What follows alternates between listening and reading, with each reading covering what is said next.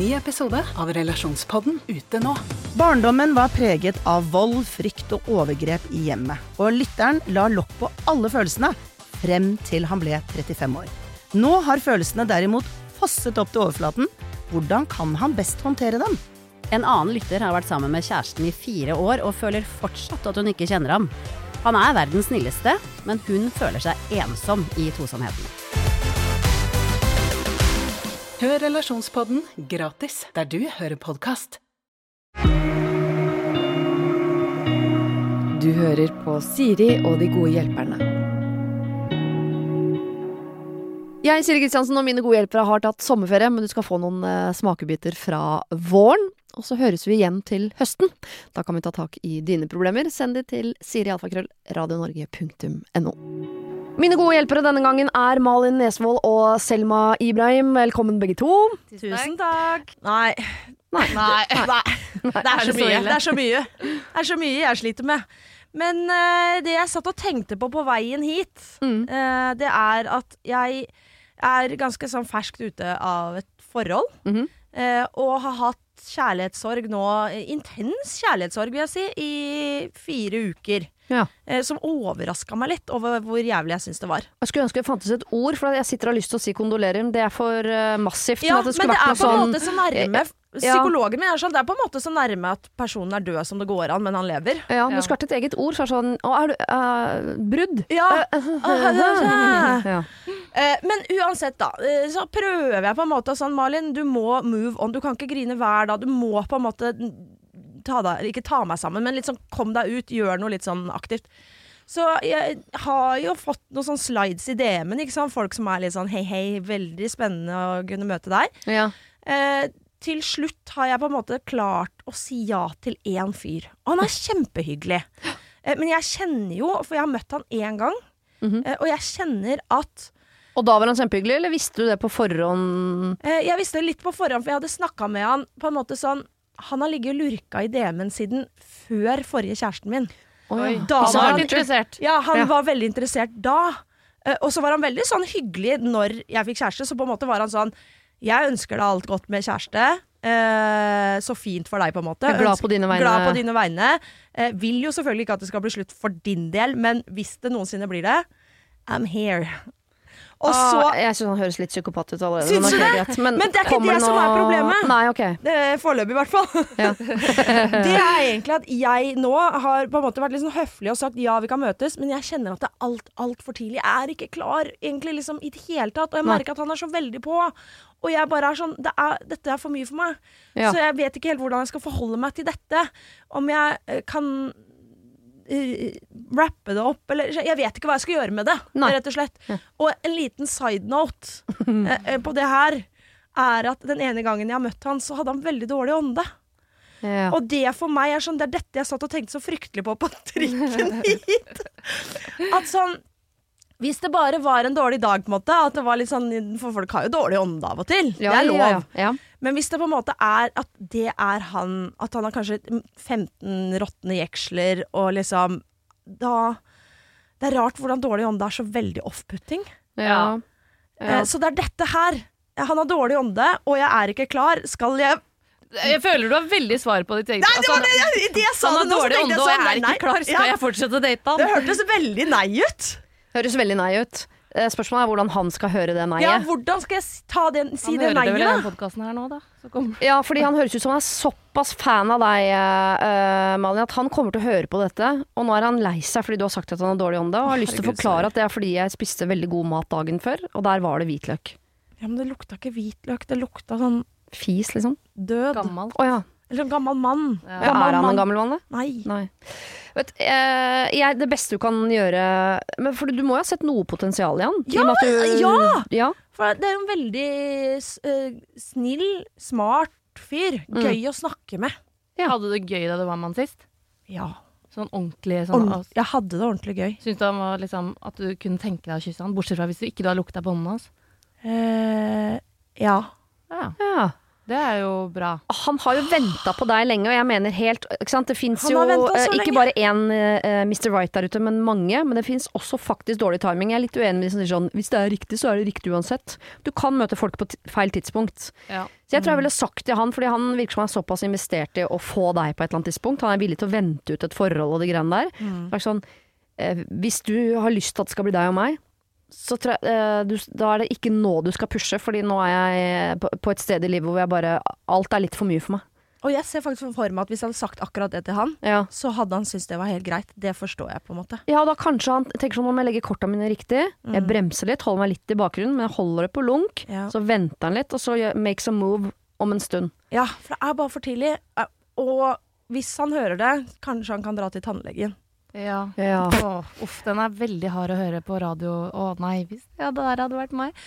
Uff, Men er det litt rart også hvis det er en La oss øh, Hvis du selv hadde venta på en fyr i årevis, liksom. Ja. Du visste at du ville ha han, han Ja, er i et forhold, men du vil vente. venta. Ja, men du skal endelig møte han, det har gått to år, sånn, og du har liksom sittet på Og du venter og venter, og nå skal dere møtes. Ja. Da hadde sørger du vel for å ikke ha dårlig ånde, Ja, ja, ja, veldig. Eh, Ja. Men det der med eh, å vente og sånn, fordi at han jeg er sammen nå Mm. da, Jeg hadde akkurat kommet ut av et forhold, eh, og så møtte jeg han rett etterpå. Jeg hadde gleda meg skikkelig til å være singel, liksom, for jeg, hadde, jeg har ikke vært singel nesten. Og så møter jeg han, og så blir jeg så forelska. Men så er jeg sånn, fader, jeg burde egentlig si til han sånn, kan du bare vente litt, liksom, så jeg kan kjenne på hvordan det er å være aleine. Men så merka jo jeg at eh, jeg har ikke lyst til å være aleine. Eller sånn, det var ikke noe gøy å gå og date andre eller noe, fordi at man vil jo være med den man er forelska i. Men da var du Eh, klar. Ja, Du da var var klar, jeg klar, ja. Jeg ba om en uke, da. Jeg fikk det. jeg Fikk fire var dager. ja. En arbeidsuke. Nei, men jeg tenker at eh, Jeg føler at eh, du egentlig sitter og svarer på det selv når du sier at han hadde dårlig ånde, og at du ikke er klar. Og hvis ikke du er klar, så er du ikke klar. Nei. Og nå må jeg bare skyte inn at det, nå høres det ut som det er mest den dårlige ånden, og det er det ikke. Det er at jeg er ikke klar. Ja, for hadde du vært stupforelska og han hadde dårlig ånde, så kanskje du tenkte sånn OK, Ja. jeg prøver et par ganger til. Har han dårlig ånde hver gang, så kanskje man bare s- gir han eh, En fisherman's friend. Ja, eller en tannlegetime, da. Ja. Når man blir godt kjent. Ja. Ja, for tenk deg, Hvis du hadde truffet han i dag, så kan det jo hende at det var du som hadde bydd på litt sånn Dårlig ånde, ja. Ja, ja, ja. Å, stakkars ja. mann. Og det sier Ja. jo ikke så mye om deg, annet enn at du hadde en litt eh, Røff på sikt morsom, men akkurat nå litt lei eh, opplevelse i går. Det er sant. Ah, nei, men Det virker som han har eh, akseptert veldig til nå, når du har vært sånn Nei, nå er et forhold passer ikke, men dere har holdt dialogen oppe. Jeg tror du bare skal fortsette å være sånn dønn ærlig med han at vet du, at jeg er ikke klar akkurat nå. Og hvis han klarte å vente på deg gjennom et helt forhold, så klarer han å vente litt til. Det er jeg helt sikker på at han kan, faktisk. Ja. Det skal, jeg skal sende han en melding, jeg. Og Oi. være dønn ærlig. Ja, gjør det. Ja. Men du trenger ikke å si det med ånden. Nei, jeg skal ikke. Nei, jeg skal ånden og alt, altså. Det skal. Alt skal med! Denne uken har eh, Siri og De gode hjelperne et samarbeid med utstillingen The Mystery of Banksy, A Genius Mind. Den utstillingen kan du se på Økernsenteret i Oslo helt fram til 16. juni. Til eh, tross for at Banksy er verdens mest kjente gatekunstner, så er han samtidig også helt anonym. Det er ingen som vet hvem han er, og en av grunnene til det er at han er etterlyst for vandalisme. Kunsten hans er ikke på utstillingen, det er altså 200 reproduksjoner utført av andre gatekunstnere du kan se på Økernsenteret. Og siden han er så anonym og utilgjengelig, så er det også umulig å få en godkjenning av utstillingen av Banksy selv, men folka rundt Banksy, som kaller seg Pest Control, de gjør kontroller og sier ifra hvis det ikke er godkjent. Og det har de ikke gjort her, og utstillingen er derfor å anse som godkjent. Og jeg tenker at eh, Banksy høres ut som en litt sånn eh, kul fyr, selv om jeg vet jo ikke hvem han er. Jeg bare ser hva han skaper. Eh, og jeg merker at jeg, liksom blir, jeg blir nysgjerrig på han. Jeg husker en uh, tidligere sjef jeg hadde, uh, fortalte meg at Siri, uh, de som hører på deg på radio, de må enten ha lyst til å bli sammen med deg, eller så må de ha lyst til å være vennen din, eller i hvert fall gå på fest sammen med deg. Da lytter de. Jeg vet ikke om jeg har så veldig lyst til å bli kjæreste med Banksy, vanskelig å si, men det hadde definitivt vært veldig gøy å gå på fest med han eller ha han som venn, bare for å høre litt mer om hva som bor inni det kunstneriske hodet hans. Kjøp billetter til utstillingen på mystery-banksy.no. Her kan du også lese mer om utstillingen. Bruk kodeordet Siri, velg tidsbestemte billetter på hjemmesiden, og få billetter til kun 250 kroner. Koden gjelder til og med 31. mars. Har du et problem og trenger hjelp, ja, så sender du det til meg. Da bruker du Siri, alfakrøll, radionorge.no. Hei, Siri og dine forhåpentligvis gode hjelpere. Mhm. Og jeg ligger bare litt press allerede. Ja. Eh, jeg kunne Nei, den hopper jeg over. Jeg er ikke så glad i, jeg er glad i ros, jeg bare leser ikke høyt. okay. Jeg er i slutten av 20-åra og bor i en storby. Mine to storesøsken bor i samme by som meg, ca. 5-10 minutter kjøretur unna. De er fire og sju år eldre enn meg. I motsetning til meg har søsknene mine samboer og barn, og de lever småbarnslivet til det fulle. Jeg er singel, bor alene og har et ganske annerledes liv enn dem, da jeg er mye sammen med venninner ute på byen i helgene og prøver å få litt fart på datinglivet. Selv om jeg er litt annerledes enn dem, ønsker jeg å ta del i livene deres, og da særlig å treffe tantebarna mine. Når jeg ønsker å treffe dem, så sier de ja, hvis det passer, men når vi treffes, så syns jeg nesten det er litt kleint, fordi de virker ikke så interessert i meg. Eh, Noe jeg tror kan være fordi vi har så lite til felles, bortsett fra at vi er i familie, da. Det verste er at de aldri tar kontakt med meg og ønsker å treffe meg. Det er alltid jeg som tar initiativet. Og jeg vet at også de to med sine familier treffes jevnlig uten å spørre meg om jeg vil bli med. Av og til kan de også reise hjem til foreldrene våre, ca. to timer unna med bil, eh, for en helg, uten at jeg vet noe som helst om det før jeg eksempel ser det på en snap. Eh, Foreldrene våre kan også være på besøk i byen vi bor i, uten at jeg får vite om det eller blir invitert. Det er mulig de bare glemmer å spørre meg fordi de ikke tenker over at jeg også ønsker å treffe dem, men dette begynner å bli ganske sårt. Det skal sies at jeg tidligere i tenårene slet en del psykisk og derfor traf, eh, trakk meg mye tilbake, og takka mye nei på grunn av psyken. Men jeg er frisk nå, og det vet de. Og jeg tar mye mer initiativ nå enn jeg gjorde da jeg var syk, og derfor syns jeg de burde skjønne at jeg også vil møte dem mer. Jeg har en klump i magen angående dette. Jeg fortsetter å ta initiativ så ofte jeg kan, men nå har jeg nesten ikke lyst noe mer, siden jeg ikke føler at jeg får noe tilbake. Likevel så føler jeg at jeg må treffe dem jevnlig og ta del i barna, siden jeg er jo tanta deres. Har dere noe råd til meg, vær så snill? Det er ikke alternativ eh, å snakke med dem om at jeg tidligere var syk, men er frisk nå igjen. Jeg orker ikke å snakke om de greiene. Og uansett så vet de jo at jeg er friskere nå. På forhånd takk. Hilsen lillesøster. Kan man hva dere vil. Åh, lillesøster, jeg får Mm. så vondt i magen. Jeg kjenner den klumpen i magen. Det, det der er ikke en digg følelse. At hele familien driver og jazzer og koser seg, og du aner ikke at de engang er i byen. Ja. Å, fy søren, den er ikke god. Nei. Men hva skal man gjøre? Har dere eh, storesøsken med barn, og, er det noen flere punkter her som, sånn, eh, som dere kjenner dere igjen i? Sånn Eh, rent nei, altså jeg har en lillesøster, men Ja. lillesøsteren min er mye mer sånn knytt... Jeg er den som på en måte har løsrevet meg og vært mye nei, det passer ikke, for jeg har også vært syke- sykesyk. så, så jeg kjenner meg jo igjen i det at eh, eh, lillesøsteren min og mine foreldre har et mye tettere forhold, og, søstera mi drar mye oftere hjem, og jeg kan også se på Snap at nå er de på skitur, og nå lagde Ja. de vafler og sånn. Men, men eh, jeg, eh, jeg blir jo ikke lei meg fordi at jeg, jeg koser meg for mye i, i Oslobyen. At jeg har ikke lyst til å dra hjem så ofte. Nei, okay. Så sånn sett er jo det greit. Ja.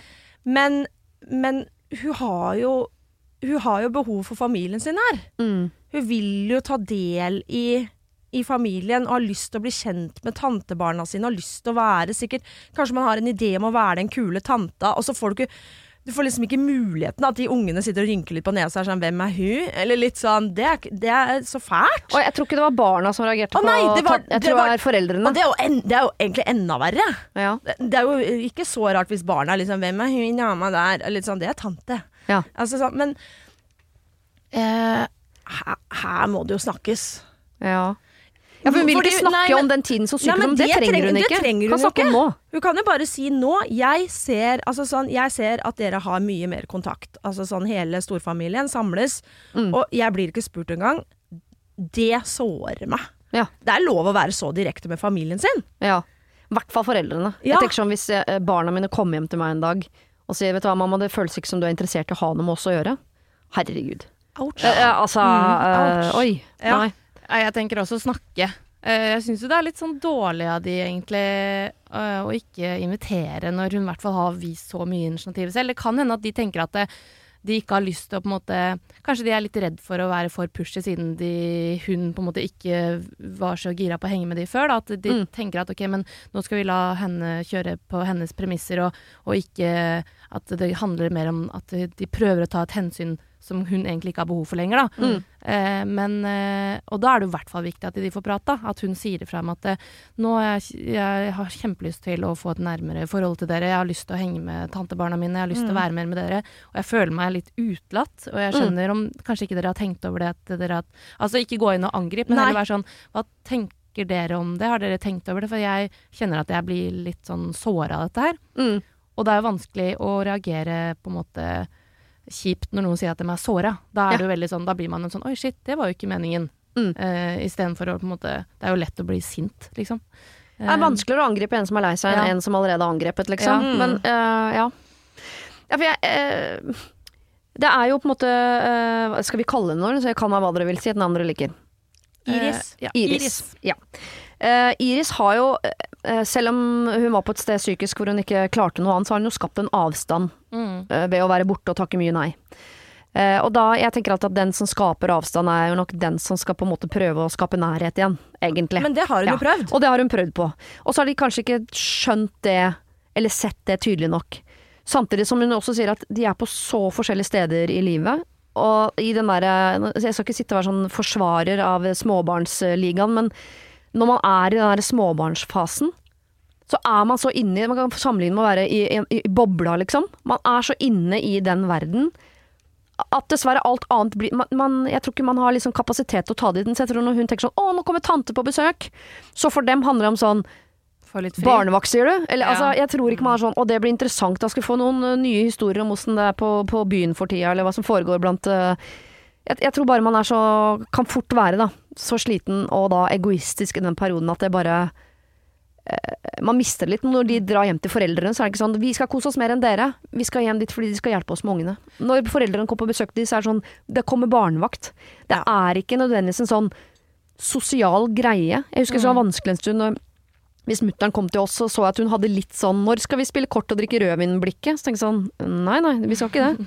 Du skal skifte bleier og vaske vinduer og sånn, fordi jeg skal sove. Sånn. Så jeg tror, jeg tror ikke hun må tenke at sånn Å, de har masse sånn koselig sosialt liv hvor de bare helt aktivt bare ikke inviterer meg. Men Nei, det- de prøver å holde hodet over vannet og prøver å hjelpe Ja. hverandre så bare komme igjennom de der bleieskiftsgreiene. Det er jo litt en trøst, da. Ja. Det syns jeg er litt, en litt deilig ting å ha i bakhodet. Ja.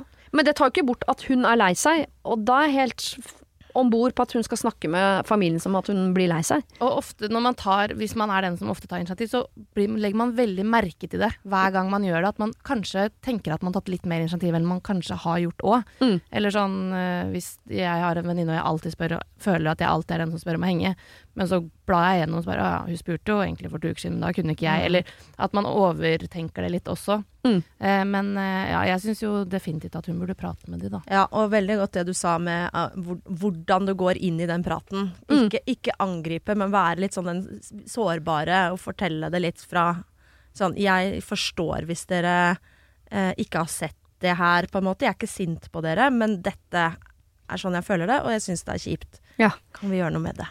Men jeg tror jeg hadde gått på mamma og pappa. Sagt Ja, vet du hva, jeg og jeg, pappa, ja. kjenner at jeg blir litt lei meg når dere Ja. er i samme by som meg uten å si fra. Ja. Og jeg, kanskje dere tenker at ikke jeg har lyst til å henge med dere, men, det, Men jeg jeg har har det. faktisk det. Og mest sannsynlig blir de kjempeglade når hun sier det. Ja, det Da håper blir de jeg. sånn 'Å, så hyggelig, du Ja. har lyst til å henge med oss'. Det, altså at de har vært redd for å pushe på eller et eller annet. Men Mm. så Ja.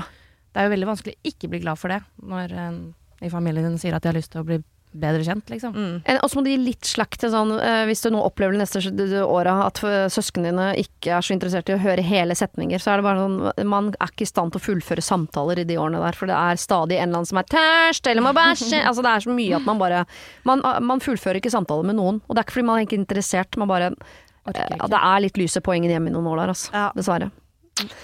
Er det greit å ta avstand, er spørsmålet. Kall meg Klara. Jeg er 27 år gammel, bor på Østlandet. Jeg har noe som plager meg litt. Jeg vet ikke helt hvordan jeg skal forholde meg til en venninne som har stått meg veldig nært. Vi bor ikke på samme sted, men har gjort det i løpet av studietiden. Vi ble nesten som søstre, og relasjonen innebar stor nærhet, på godt og vondt. Venninnen min har ikke hatt en lett oppvekst, og det preger henne den dag i dag. Jeg merker at jeg tar gradvis mer avstand, og kjenner at det er- litt godt å ikke ha den tette kontakten. Dette merker venninnen min, og spør hvorfor jeg ikke tar kontakt eller ringer tilbake. Det jeg liker med vår relasjon, er at hun får fram barn i meg, og hun hjelper meg og andre rundt seg til å være ærlig og ikke ta seg selv så høytidelig. Men det fins også en motsatt side. En usikker, impulsiv, emosjonell, ustabil og intens person. Og jo nærere en står personen, jo tyngre last er det å bære.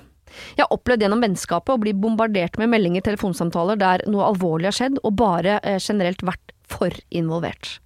Jeg merker også at venninnen min ikke har så god innflytelse på meg. Jeg merker ofte at etter at vi har vært sammen, så øker tankene rundt egen usikkerhet, som for eksempel kropp og utseende. Jeg opplever også litt ensidig fokus på henne i vennskapet, og opplever lite rom for meg.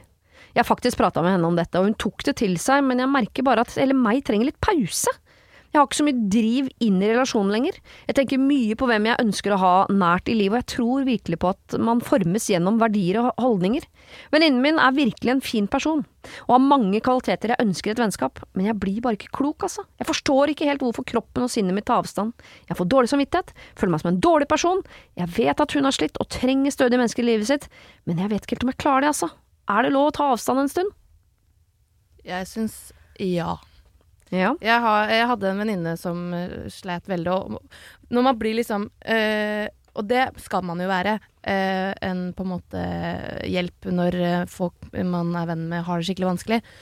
Men hvis den, på en måte, den hjelpen aldri funker, da, eller hvis man er med en person, og så prøver man å, er man psykologen til venninna si i liksom tre år, Mm. og hun aldri tar de råda, så til slutt så blir man jo eh, nesten sjuk selv, på en måte. Mm. Eller sliten selv.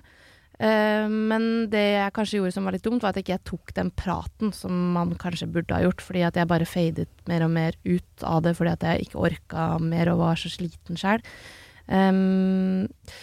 men jeg mener jo at det skal være lov å ta avstand til folk i livet hvis det ikke gagner deg på noe som helst måte. Og da tipper jeg, etter at du da fada ut av det vennskapet, Mm. hvis jeg hadde snakket med denne vennen, så Mm. hadde hen sagt noe sånt som at Det er når du er sjuk du merker hvem som er dine ekte venner. Mm. sant? Og det er det trollet der man er litt redd for sånn Mm. åh, shit, er jeg en ekte venn nå? Er jeg en god venn nå? Dette Mm. takla ikke jeg så bra. For du har, man har jo sett nok amerikanske filmer om hvor eh, pågående man skal være, hvor til stede, Ja. og så er det en bøttemis, og så er det greit, liksom. Mm. Men så ute i det virkelige liv, så, så jeg skjønner at man tar avstand. Orker ikke å bli med ned i alle dype daler.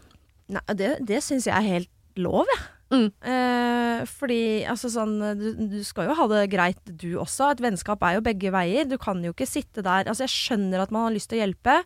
eh, og har lyst til å være en skikkelig god venn, men hvis du kjenner at det, det bare drainer deg, du har ikke noe energi igjen, da er det et veldig ensidig vennskap. Da, da blir jo, du blir jo aldri sett. Du får jo aldri dine behov dekt. Et vennskap er jo begge veier. Ja. Det er jo derfor man er venner. Altså, jeg har eh, Jo eldre jeg har blitt, på en måte For i starten ville jeg på en måte bare Alt er gøy og gøy med venner, og det er kult å ha masse forskjellige venner, og fett, fett, fett.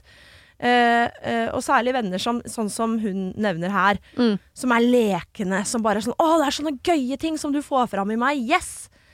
Men så sier hun jo òg at hun kjenner det jo på en måte inni hele kroppen og sjela at dette funker ikke for meg. Nei. Eh, og det har jeg kjent på sjøl også, i akkurat sånn type relasjon, hvor det er bare så mye bra. Men det dårlige er så tungt og dårlig Mm. at jeg har det skikkelig dritt når Ja. du har det dritt. Altså sånn, da er vi jo ikke Dette er ikke bra for meg. Og da har jeg måtte endt opp med å være sånn veldig nøye sånn eh, Vi kan være venner. Mm. Eh, og det har vært, da har jeg sagt det. Vi kan være venner. Jeg har lyst til å være din venn. Men du kan ikke være min innerste sirkel, på en måte. Det er, det, det klar, jeg klarer det ikke. Jeg, har ikke. jeg får det ikke til. Hvordan har de reagert da? Det har gått overraskende bra, på en måte, at de forstår det. For de har jo en viss selvinnsikt. At de forstår at sånn Jeg skjønner at det er mye. Mm. Og jeg har jo lagt det fram sånn Jeg vil virkelig være der for deg. Jeg prøver, men jeg har, dette er min kapasitet. Jeg må ha deg litt på armlengdes avstand. Det er på en måte det vennskapet jeg kan tilby. Mm. Eh, vil du ha det, eh, så kan du takke ja. Vil du ikke, er det på en måte for lite for deg. Så, sorry. Ja. Beklager. Da kan jeg ikke hjelpe deg. Nei, at man er sånn tydelig på, på sin egen liksom, kapasitet i dette vennskapet. For jeg, jeg, jeg liker venninnen venninne som satt meg for mange år siden, noe med sånn eh, Det er noe med å på en måte bare eh, vite hvor du plasserer vennene dine, ikke sant. Hvem du har innerst og hvem som er Og det er ikke noe du, et system vi trenger å sette oss ned og bli enige om. Nei! Og det er ikke sånn at hvis du er eh, i min innerste, da skal jeg være i din. Det der kan jo være helt forskjellig. Og bare ikke være så opptatt av hvor du er i deres system, men vit hvor, hvor viktig de er for deg. Så jeg tenker at man kan ta en slags sånn utfade i vennskapet uten at man rent sånn i praksis er borte fra de, men man kan bare bestemme seg for hvor involvert man er. Hvor Ja. dypt man går ned i, hvor mye man lar seg prege av det. Mm. Men denne venninnen her tar kontakt og spør, eh, fordi hun merker den avstanden. Ikke sant? Og hva svarer Så du kan på en måte ikke bare ta en sånn indre utfade, for hun blir konfrontert med det. Mm. Hvorfor tar du ikke kontakt? Da kjenner de hverandre jo såpass godt at hun tør å spørre, da. Og da tenker jeg, når du tør å, å spørre, så eh, er du kanskje åpen også for å få et ærlig svar tilbake, da. Ja. Og, og da kan man si sånn sorry, jeg kjenner at det, uh, den relasjonen vi har, går litt inn på meg. Jeg blir litt sånn sliten fordi jeg føler det er så mye opp og ned. Jeg føler at uh, jeg blir veldig påvirka av hvordan du har det, og, og syns at eh, det blir nesten litt for vanskelig for meg. Så eh, enten liksom gjøre et siste liksom, effort for at hun skal få det bedre. For det virker jo litt som om hun venninna, selv om hun hadde hatt, hatt det kjipt, at hun fortsatt har det ganske kjipt. da. Mm. Bare liksom Går det an å bare pushe en siste gang på at hun skal kanskje få seg noe proffhjelp på et eller annet vis, eh, og så ta det litt derfra? Og hvis ikke hun er noe gira på det, så må du bare si at jeg, jeg tror jeg trenger litt pause. Det er vel lov å Er det lov altså sånn, det, I kjæresteforhold så tar man jo en pause. Kan, det, det gjør jo folk. Ja, Nå har vi det alt til slutt. Ja, det gjør jo vel Ja, jeg, Ja, har jeg fikk to gode år etter en pause, Ja, ja, det gjorde jeg Ja. Okay. det har jeg gjort. Men går det an i vennskap òg? Ta en liten pause? Ja, ofte har man jo det, man bare snakker ikke om det. Nei, men om det går an å øh, snakke om det, da. Være litt sånn en eksplisitt sånn Nå har vi en liten pustepause her. Ja. Og så forklare hvorfor, da. Ja, ja. Sånn, Men da høres det ut som uh, vi ber da uh, uh, Vi ber henne si sånn jeg, jeg trenger en pause fordi jeg trenger en pause, men noe av grunnen til at hun trenger pause, er jo at denne vennen er såpass intens. Og jeg tenker Hvis ikke du får adressert det Nei, ved denne pausen det. her, så, så er du egentlig ikke noe lenger. Da har du bare på en måte fått muligheten til å roe deg litt for ned for å orke en ny runde, liksom. problemet. Ja, gjør man ikke det, da så tenker fint med pause, men da tror jeg du skal si hvorfor. ja. Og si, du sier jo fint jeg kan Eh, dårlig du har ikke så god innflytelse. Jeg merker ofte etter at vi har vært sammen at jeg får tanker eh, rundt egen usikkerhet på kropp og utseende. De tingene der som sikkert er litt hardt å høre, men bare det blir for intenst. Jeg blir ofte usikker etter å ha vært sammen med deg. Jeg kan innimellom nesten grue meg litt fordi jeg vet at det blir øh, slitsomt, eller Så jeg kan ikke ha deg så nære akkurat nå. ja, de var jo nesten som søstre, var det ikke det hun sa da? Så Jo. de kjenner hverandre jo ekstremt godt, virker det som. Og da Ja, da, da er det jo større rom for å også være litt Ja. brutalt ærlig. Ja. Og kanskje det er en skikkelig hjelp til hun. Kanskje hun skjønner at oi, shit, kanskje jeg må få meg noe ordentlig hjelp, eller kanskje jeg må bli litt mer sånn. Og det kan jo hjelpe henne i andre relasjoner, så hun faktisk uh, får seg noen andre nære venner også, på en måte. Mm. Jeg tror, det, altså, jeg tror vi kjører en kombo her på ja, det er lov å ta uh, avstand, det er lov å ta pauser, men jeg tror hvis du skal ta avstand og pauser her, eh, fordi venninnen din spør om hvorfor, Mm. og der er bordet dekket for at du kan svare på det. Hun, er, hun ber deg om å svare, Mm. så det syns vi du skal. Ja, Så ja. si hvorfor du tar pause, og så tar du en pause. Mm. Denne uken har eh, Siri og De gode hjelperne et samarbeid med utstillingen The Mystery of Banksy, A Genius Mind. Den utstillingen kan du se på Økernsenteret i Oslo helt fram til 16. juni. Til eh, tross for at Banksy er verdens mest kjente gatekunstner, så er han samtidig også helt anonym. Det er ingen som vet hvem han er, og en av grunnene til det er at han er etterlyst for vandalisme. Kunsten hans er ikke på utstillingen, det er altså 200 reproduksjoner utført av andre gatekunstnere du kan se på Økernsenteret. Og siden han er så anonym og utilgjengelig, så er det også umulig å få en godkjenning av utstillingen av Banksy selv, men folka rundt Banksy, som kaller seg Pest Control, de gjør kontroller og sier ifra hvis det ikke er godkjent. Og det har de ikke gjort her, og utstillingen er derfor å anse som godkjent. Og jeg tenker at eh, Banksy høres ut som en litt sånn eh, kul fyr, selv om jeg vet jo ikke hvem han er. Jeg bare ser hva han skaper. Uh, og jeg merker at jeg liksom blir, jeg blir nysgjerrig på han. Jeg husker en eh, tidligere sjef jeg hadde, eh, fortalte meg at Siri, eh, de som hører på deg på radio, de må enten ha lyst til å bli sammen med deg, eller så må de ha lyst til å være vennen din, eller i hvert fall gå på fest sammen med deg. Da lytter de. Jeg vet ikke om jeg har så veldig lyst til å bli kjæreste med Banksy, vanskelig å si, men det hadde definitivt vært veldig gøy å gå på fest med han eller ha han som venn, bare for å høre litt mer om hva som bor inni det kunstneriske hodet hans. Kjøp billetter til utstillingen på mystery-banksy.no. Her kan du også lese mer om utstillingen. Bruk kodeordet Siri, velg tidsbestemte billetter på hjemmesiden, og få billetter til kun 250 kroner. Koden gjelder til og med 31. mars. Ungsamtalen fra DNB er økonomisk veiledning tilpasset deg som er ung. Bokk en ungsamtale på dnb.no. ung. Ok, det var jo en syk døll måte å forklare ungsamtalen på, da. En smart prat om penga mine, ville jeg sagt. Ikke sånn kjedelig økonomisprat, skjønner du. Har du et problem og trenger hjelp, ja, så sender du det til meg. Da bruker du Siri, alfakrøll, radionorge.no. Ukas gode hjelpere er eh, Jon Martin Henriksen og Helene Olafsen. Helene har med seg en uh, liten ekstra god hjelper på armen der. Bare hyggelig. Får se om det er uh, et pluss, eller uh, det kan jo hende har noe godt å komme med. Minst sannsynlig. Kanskje du blir mykere i måten å hjelpe på bare ved at hun er til stede? Mm, Jeg kunne ønske at det fungerte sånn. Det hadde ikke gjort noe skade, det? Nei. Nei? Har du blitt mykere etter at du ble mamma? Nei. Nei. Jeg har blitt så mye hardere. Å ja. Ja, jeg har jo blitt eh, sint. For, for, altså, jeg er mye sint, og det har jeg ikke vært uh, før i livet, egentlig. Så det er litt sånn ny Det har uh, vekket sinne i meg. Ok, jeg har bedt dere ta med hvert deres uh, problem. Eh, vil du begynne, Jon Martin? Det kan jeg godt gjøre. eh, fordi jeg har hatt en, en venn i, i mange år som, som aldri tror på det jeg sier. Eh, fordi eh, Jeg kan røpe at det er en hund, da. Eh, har alltid sagt at det er så mye ironi i alt jeg sier og gjør, at Ja. samme hva jeg sier, så tar hun ikke det på alvor. Nei. Så hvis, jeg, hvis den personen f.eks. skal bli mor, da, og så sier jeg 'gratulerer, så utrolig hyggelig', Ja. da får jeg beskjed. beskjed hører jo det ikke Det høres ikke inderlig ut. Det høres ut som sånn men, ja, men, det kommer noe mer. Det er bare sånn jeg prater, da. Ja. Eh, så, så det er en eh, Jeg kan jo da røpe det at det er Helene. Oh, ja. Eh, for vi har hatt den utfordringen så lenge vi har kjent hverandre. Ja, det er sant. samme Det er at Eh, du tar opp det. eh, Det er derfor jeg tar det opp. Ja.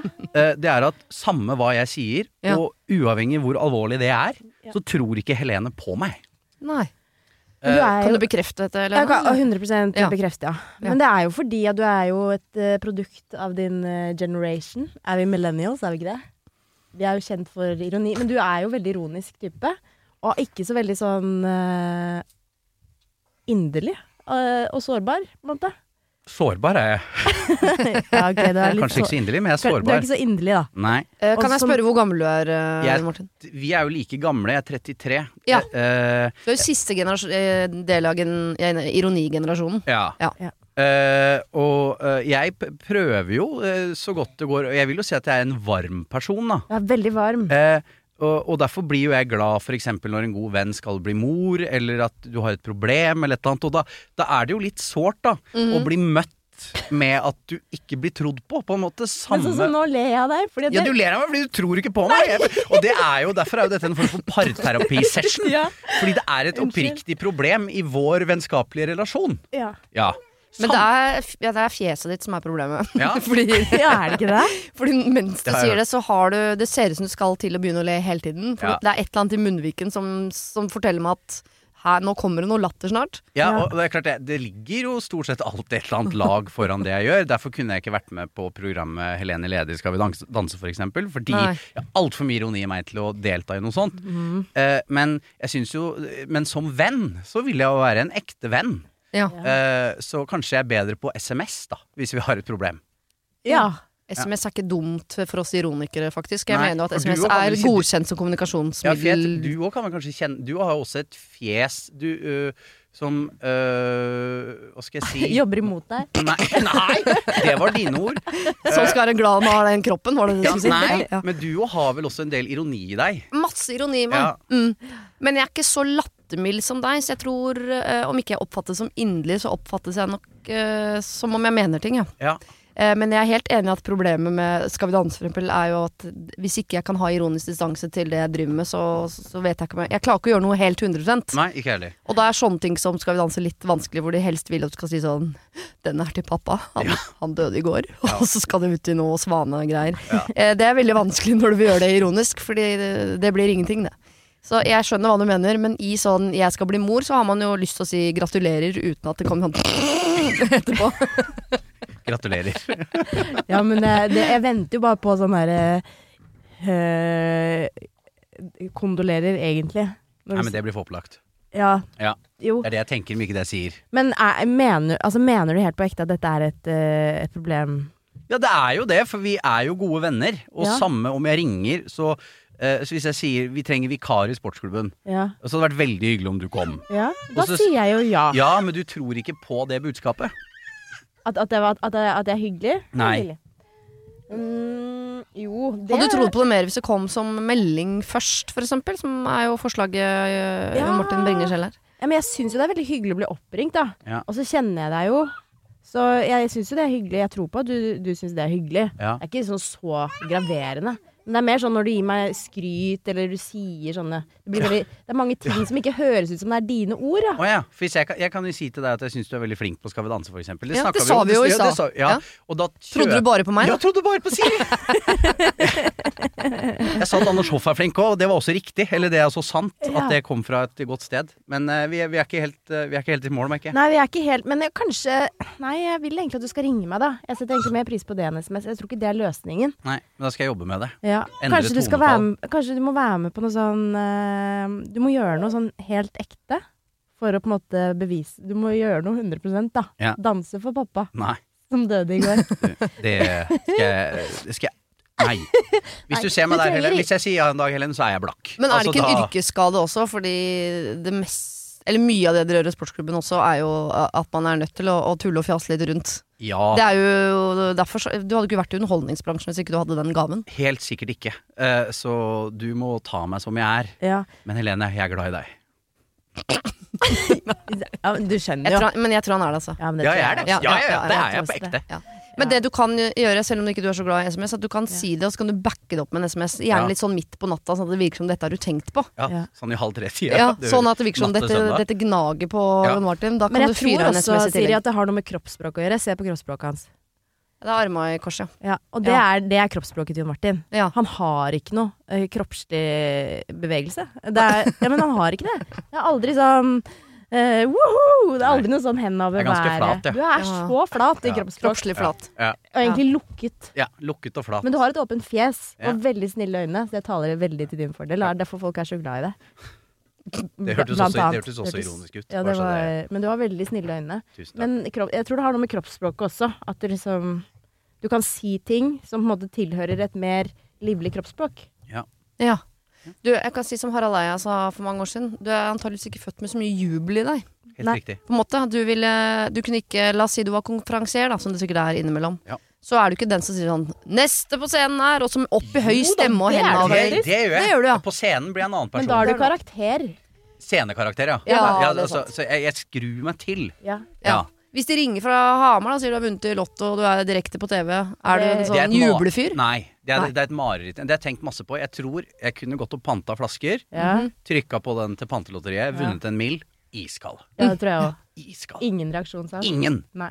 Henda i kors Tenk om du hadde vunnet Kompani Lauritzen. Det ble vel aldri eh, Det var et, eh, en problemstilling jeg aldri trengte å forholde meg til, da. Eh, og det kjente jeg jo på der. Ja. At når folk gråt og sånn under noen sånne tøffe øvelser, sånn, så var jeg sånn Det var det litt mye av i denne sesongen her, eller? Det var litt, jeg var lov å si det. var litt mye gråting. Litt mye. All, Alle, gråter jo bortsett fra meg, og Ja. det handler sikkert om litt eh, sånn at jeg ikke Jeg har alltid et skjold foran, da. Ja. Eller at du var den eneste som skjønte at dette er TV. Ja, det, det, det, er, vi er jo, vi le, det er ikke kuler i den gunneren vi går med her, liksom. Nei. Du kommer ikke til Bortsett fra å at dø. du fikk jævlig mye blåmerker av de, Siri, når Ja. du er ute og marsjer. Ja, Ja. ikke sant? Det kan dere bonde om. Det kan vi bonde om. Jeg ble aldri truffet, så det, akkurat det vet jeg ikke noe om. Det ble jeg i. Jeg ble truffet en gang på beltespenna, men det tørka jeg bort. Så da fikk vi ett poeng mer enn det andre laget og vant. Det har jeg aldri sagt høyt før. Jeg håper ingen jeg var i kompani sammen med, hører at jeg sier det. For dere ble jo veldig venner. Ekstremt Ja, gode altså- venner. Ja, for dere ble sånn gjeng, dere. Dere var jo sesong én. Mhm. Ja, Ja. ikke sant? Vi har blitt gjeng. De som bare var der i 14 dager. Ja. Ja. Og de var der bare 14 dager, ja. Det var jo for så vidt bare jeg òg.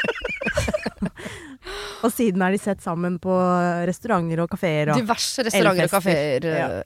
L blir ikke jeg invitert på. ah, ok. Nei, Ikke en del av moteeliten. Jeg jeg kler meg ikke bra nok. Nei, Det er fair, det. tar seg ikke ut. Ja.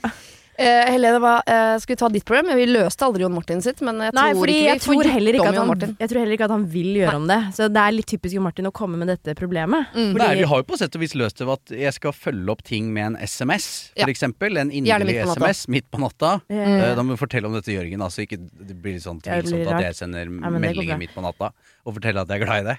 ja, men jeg vil jo helst bli ringt. Ja, Ja. Men begge deler. Jeg Ja. ringer først, og så sender jeg en melding. Bekrefter på. SMS etterpå. Ja. Ja. Husk at det jeg sa i stad, stemmer. Ja. Mm. Og ikke noe emojis da. Nei, nei, Nei. Jeg bruker nesten ikke det. Nei, bra. Nei. Har ikke brukt det på 30 år siden. Denne uken har eh, Siri og De gode hjelperne et samarbeid med utstillingen The Mystery of Banksy, A Genius Mind. Den utstillingen kan du se på Økernsenteret i Oslo helt fram til 16. juni. Til eh, tross for at Banksy er verdens mest kjente gatekunstner, så er han samtidig også helt anonym. Det er ingen som vet hvem han er, og en av grunnene til det er at han er etterlyst for vandalisme. Kunsten hans er ikke på utstillingen, det er altså 200 reproduksjoner utført av andre gatekunstnere du kan se på Økern-senteret.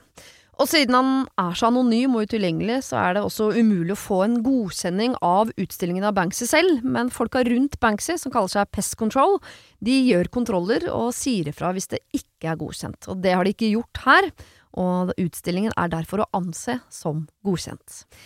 Og jeg tenker at uh, Banksy høres ut som en litt sånn uh, kul fyr, selv om jeg vet jo ikke hvem han er, jeg bare ser hva han skaper. Uh, og jeg merker at jeg liksom blir, jeg blir nysgjerrig på han. Jeg husker en uh, tidligere sjef jeg hadde, uh, fortalte meg at Siri, uh, de som hører på deg på radio, de må enten ha lyst til å bli sammen med deg, eller så må de ha lyst til å være vennen din, eller i hvert fall gå på fest sammen med deg. Da lytter de. jeg vet ikke om jeg har så veldig lyst til å bli kjæreste med Banksy, vanskelig å si, men det hadde definitivt vært veldig gøy å gå på fest med han eller ha han som venn, bare for å høre litt mer om hva som bor inni det kunstneriske hodet hans. Kjøp billetter til utstillingen på mystery-banksy.no. Her kan du også lese mer om utstillingen. Bruk kodeordet Siri, velg tidsbestemte billetter på hjemmesiden, og få billetter til kun 250 kroner. Koden gjelder til og med 31. mars. Ungsamtalen fra DNB er økonomisk veiledning tilpasset deg som er ung. Bokk en ungsamtale på dnb.no. slash ung. Det er kjempebra hvis du skal inn på boligmarkedet! Hvis det er drømmen din, liksom. Det er det du skulle sagt. Og så kunne du ropt litt mer, da, sånn som jeg gjorde. Bam! Oh. Har du et problem og trenger hjelp, ja, så sender du det til meg. Da bruker du Siri, alfakrøll, radionorge.no. Hei, Siri og co. Jeg kaller meg Fiona, og Beatrice var venninner fra første dag vi møttes i barnehagen til vi gikk ut av videregående. De siste ti åra har vi hatt begrensa kontakt, mye fordi vi begge har bodd i utlandet til ulike tider. Men hver gang vi møttes, dessverre bare ca. to ganger i året, så kjenner jeg på en enorm venneforelskelse, og jeg kunne ikke tenkt meg å gifte meg uten henne til stede. Nå er det seg sånn at Sist jeg snakket med Beatrice, så fortalte hun at hun skal gifte seg til sommeren, men på en måte som gjorde det helt klart at jeg var ikke invitert. Og jeg er hjerteknust. Burde jeg si noe? Eventuelt hvordan kan jeg komme over at hun som jeg anser som min beste venn gjennom tidene, ikke føler det samme som meg? Vi er begge i starten av 30-åra. Det var skikkelig trist. Ja, Tenk deg det, ja. Du tror du har en bestevenninne som bare sånn 'jeg skal gifte meg', ja. du er ikke invitert. Hun sa det ikke sånn. Hun sa det litt sånn, da. Ja. Hva gjør man da? Å, Kan man- den er fæl og vanskelig. Burde jeg si noe? Spør hun. Det, ja, det hadde jeg aldri turt å gjøre, men jeg jammer meg ikke eh, Kanskje man burde det? Nei, kommer det noe godt ut av det, da? Nei, for hun har på en måte tatt det valget, da. Ja, nå veit vi jo ingenting om Folk gifter seg jo på mange ulike måter, da. Uh, det er klart at hvis hun har truffet henne, og så blir hun fortalt i det vide og brede om dette store, prangende bryllupet med 150-200 gjester, så er det jo nådeløst. Ja. Ja. Men hvis vi skal ha en liten seremoni på rådhuset Ja, hvis vi skal på rådhuset og gå ut og spise middag etterpå, så er, er med en svigers, så, så er det jo et annen ballgame igjen. Ja. Eh, men det er klart, hvis du ser på henne som en av dine aller nærmeste, og du ikke er invitert, så må jo det gjøre veldig vondt. Ja. Det kunne fort skjedd med meg, tror jeg. For jeg har mange sånne Jeg har jo reist mye selv, Mm. eh, så jeg har jo også sett vennene mine sånn én til to ganger i året. Men Ja. fortsatt så er jo det mine nærmeste, for de er jo mine eneste, på en måte. Ja. Eh, mens de har jo mange andre venner og store kretser. ja. Og er sammen ikke to ganger i året, men to ganger i uka. Eh, ja. Ja. ja. Eh, så eh, ja, jeg, jeg ser at det kan skje, på en måte. Men fordi- Men det er jo forferdelig, da. Jeg, er blitt veldig opptatt av en greie i det siste. eh, som, er, som er litt sånn typisk. For nå opplever jo da Fiona en eller annen avstand til Beatrice, som var, var overraskende for henne. Og det typiske man gjør da når man møter den avstanden, er at man eh, blir flau og lei seg og tør ikke ta tak i det. Så da gir man den avstanden litt mer avstand ved å bli litt stille og trekke seg tilbake og late som om man ikke bryr seg, kanskje. Og hva oppnådde du da? Jo, da ble den avstanden enda større. Mm. Som er litt dumt. Og da mener jeg at hvis Fiona er lei seg over den avstanden som var overraskende for henne, så det eneste hun kan gjøre da, er jo å bygge den broa. Nå snakker jeg veldig sånn uh, coachaktig språk her, som jeg får litt sånn Ja, men jeg, ubekvemme oppkastfølelser av. Men det er greit. jeg syns du kler det.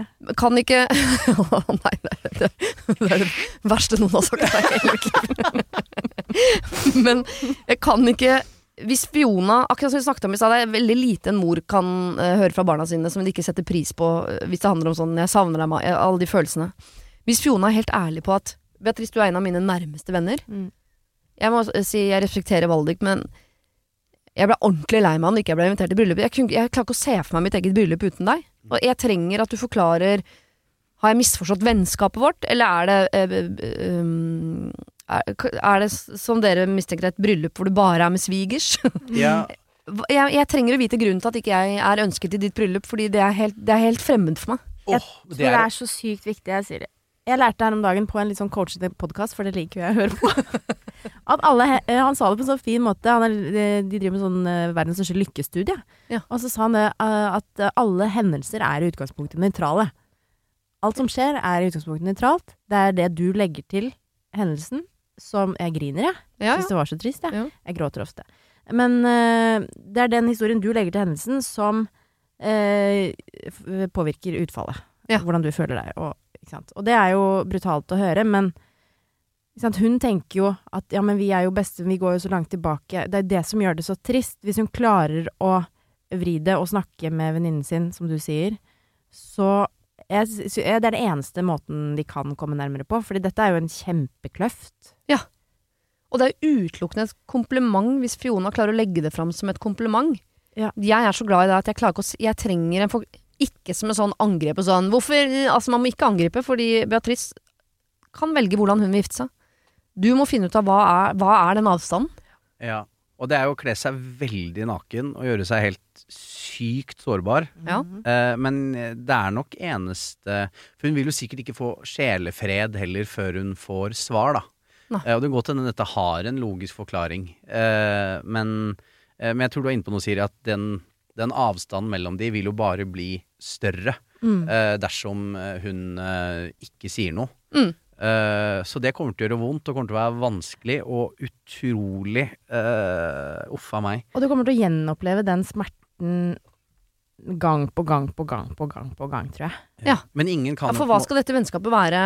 Ja. Skal hun fortsette å late som, da, de Ja. neste 30 årene? At eh, en av mine beste venner. Gifter seg, i Ja. Eh, det, ja. Hva skal det vennskapet bli, liksom? Hvis Ja. hun skal fortsette å lure på det resten av livet. Og hvordan skal Beatrice kunne vise bilder fra Eller i det hele tatt snakke om ja, det er umulig. De må snakke om det. Og ingen kan på en måte bli eh, irritert heller på noen som er lei seg. Skjønner? Altså, hun er jo bare lei seg, og det Mm. er jo en følelse som er veldig lov å ha.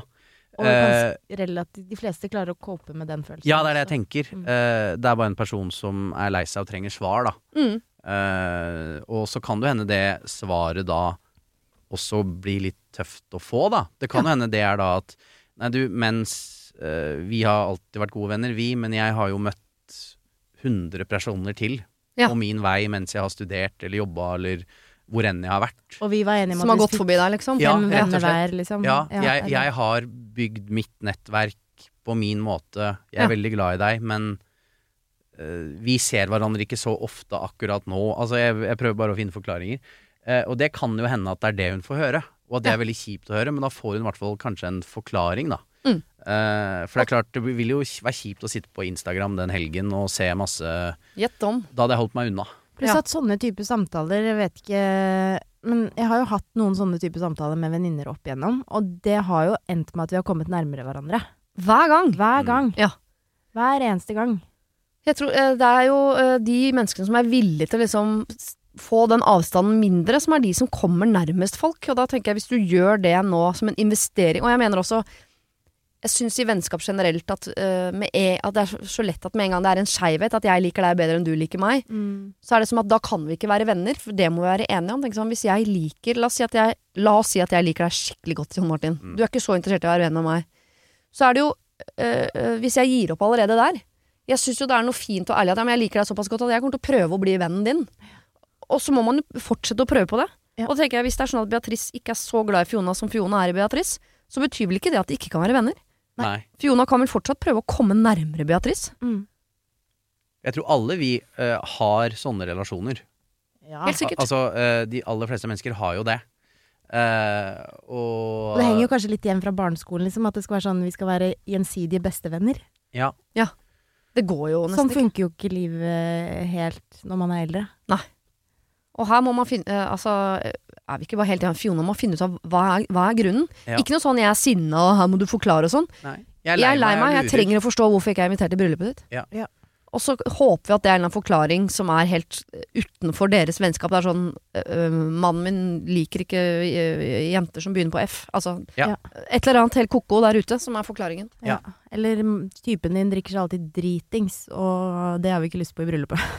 Ikke sant? Eller sant. mannen min, eh, han, er, han var forelska i deg lenge. Jeg orker ikke å tenke på det. Altså, Ja. hvem vet? Ja, Ja. så spør. Du må faktisk spørre for Ja. å få fred inni deg. Ja, det tror jeg. Men det blir vanskelig, da. Det blir vanskelig, ja. Vi er så Ja. enige, vi. Tre knapper på den. Tre knapper på den. Vi går ut på en forelskelse i en bror, ikke sin egen. Mhm. Det hadde vært altfor ekkelt. det, det, det, det, Det er en det er en annen podkast. Det Mm. er der du begynte, for så vidt. Ja. Vi syns jo det har vært en veldig god Ja, ja. podkast. Den skal vi starte. Den skal vi starte. Mhm. Eh, hei, Siri og de gode hjelperne. Jeg trenger hjelp. For fire år siden møtte jeg en fantastisk gutt, Julian, og jeg ble forelsket. Grunnen til at jeg ikke har prøvd meg på han, er fordi han er min beste venninne sin bror. Jeg vet jo ikke hva som ville skjedd med vennskapet mellom meg og venninnen min om jeg hadde sagt at jeg liker broren hennes. I tillegg må eh, jeg og Julian forholde oss til hverandre resten av livet, da venninnen min, Julian og noen flere er i samme gjeng og pleier å henge sammen. Og stemninga hadde nok blitt utrolig klein i gjengen dersom vi hadde blitt sammen og slått opp igjen. På grunn av dette så har jeg ikke eh, prøvd meg på han, til tross for at jeg i perioder har vært så forelsket at jeg har holdt på å sprekke. Men jeg har vært litt sånn av og på forelsket, så i andre perioder så har jeg også lurt på om vi ikke er ment for hverandre likevel. Jeg er altså litt usikker på om jeg er forelsket eller ikke. Med, I det siste har han begynt å legge mer an på meg enn det han har gjort de siste årene, og jeg vet ikke om jeg skal vise interesse tilbake eller ikke. Jeg har nemlig aldri vært så forelsket i noen som jeg er i han, men samtidig er jeg altså så i tvil på om han er den rette. Grunnen til at jeg liker han. Jeg liker humor, han gjør meg glad, han er omsorgsfull på en måte andre gutter på vår alder ikke er, og vi har like interesser. Føler meg veldig hjemme hos han, han er snill, samtidig som han er morsom, gøy, jeg ler med han. Det har alltid vært noe i luften mellom oss, og noen i gjengen røpte for noen år siden at han liker meg også. Det syns jeg er informasjon som kunne vært høyere oppe i mailen. Bare sånn Ja. fra en norsklærer til en annen. Ja. Grunnen til at jeg er usikker på om vi er meant to be Jeg føler, på, øh, føler jeg på et annet sted i øh, meg selv i forhold til han. Jeg er på en måte 50 år på innsiden, mens han er 20. Det tror jeg er veldig kvinnemann. øh. Ja. Jeg har vært gjennom mange tøffe ting i livet mitt, med mye sykdom osv., og, så videre, og jeg har måttet jobbe mye innover i meg selv. Det har vært mye tanker, refleksjoner osv. Eh, jeg ønsker derfor en gutt som vil prate fra hjertet, lytte med hele seg, le høyt av dumme vitser, holde rundt meg med trygge armer, og som ser meg for den jeg er. Julian er nok en litt enklere type enn meg, og det er virkelig ikke noe galt med det. Han er helt perfekt på sin måte, men kanskje passer han ikke helt sammen med meg. For hvis han hadde vært mitt livs store kjærlighet, hadde jeg da vært i tvil? Eller er det normalt at det oppstår litt tvil når man har vært forelsket så lenge, altså fire år? Jeg trenger virkelig hjelp til å finne, opp, uh, finne ut om jeg er forelsket eller ikke. Det er så mye som står på spill, siden han er broren til Jenta, jenta, jenta, jenta. Er jeg en forelsket 20-åring som overtenker og opplever tvil på et annet, uh, på et helt normalt nivå? Eller er jeg ikke forelsket? Hilsen Sunniva. Her har jeg svaret, tror jeg. Ja, ok. Jeg tror jeg har svaret. Ja. Du må kjøre på. Oi, Ja. gøy! Og det er fordi at jeg tror hennes tvil er i forbindelse at dette på en måte er forbudt kjærlighet. Ja. At jeg tror det som holder henne igjen og sår tvil, Mhm. er relasjonen til søsteren. ja. Men det kan være motsatt, og at forelskelsen handler om at det er forbudt. Ja, Tror du det? det, eh, det, jeg vet ikke. Nei, hvis ikke så hadde eh, Hun hadde jo lagt det fra seg for Ja. lenge siden. Hun Ja. prøver å finne Hun Hun, prøver har finne prøvd i fak- fire år Ja. å finne unnskyldninger som er For- gode nok For hvorfor dette ikke skal funke, og så Ja. klarer hun ikke å slippe det. Da må hun jo få svar. Ja. Ja. Eh, Få så hull på ballongen. ja, rett og slett. Kjør på, kjære. Ja, Men det når man tenker er jeg, i ja. samme vennegjeng som broren sin og andre er man, ikke sant? Jeg ville synes det var veldig rart hvis en venninne av meg ble sammen med broderen. Han er fem år eldre enn meg, vi er ikke i samme gjeng. Men hvis de hadde Hvis- vært så glade sammen, hadde ikke det Ja, vært hvis jeg hadde festa med broderen hver helg, og vi dro på felles hytteturer, og bare ett år imellom, og venninner og her og der, sånn, så må jeg på et eller annet tidspunkt bare regne med at han feier over et par-tre stykker av de. Ja. Så uh, dette, dette må du finne ut av. Ja, og jeg tenker også at sånn du beskriver han som en sånn uh, enkel, artig Altså litt ung, da. Ja. Kanskje akkurat det du trenger etter å ha sett innover masse. Enig. Så deilig å få litt sånn letthet i livet. Ja. Eh, kanskje ikke du trenger en samtalepartner på de dypeste tingene hele tiden. Kanskje du trenger å bare være litt lett. At livet føles lett og Ja. godt. Og den derre frykten for hvis vi blir sammen og det blir slutt igjen, så blir altså hele stemningen i gruppa blir så klein. Men den, Ikke ta den nå, da. ja, og den frykten er jo der uansett hvem du skulle møte på din vei. Ja. Altså, den gjelder jo uavhengig relasjon. Altså en frykt for at ting ikke skal funke.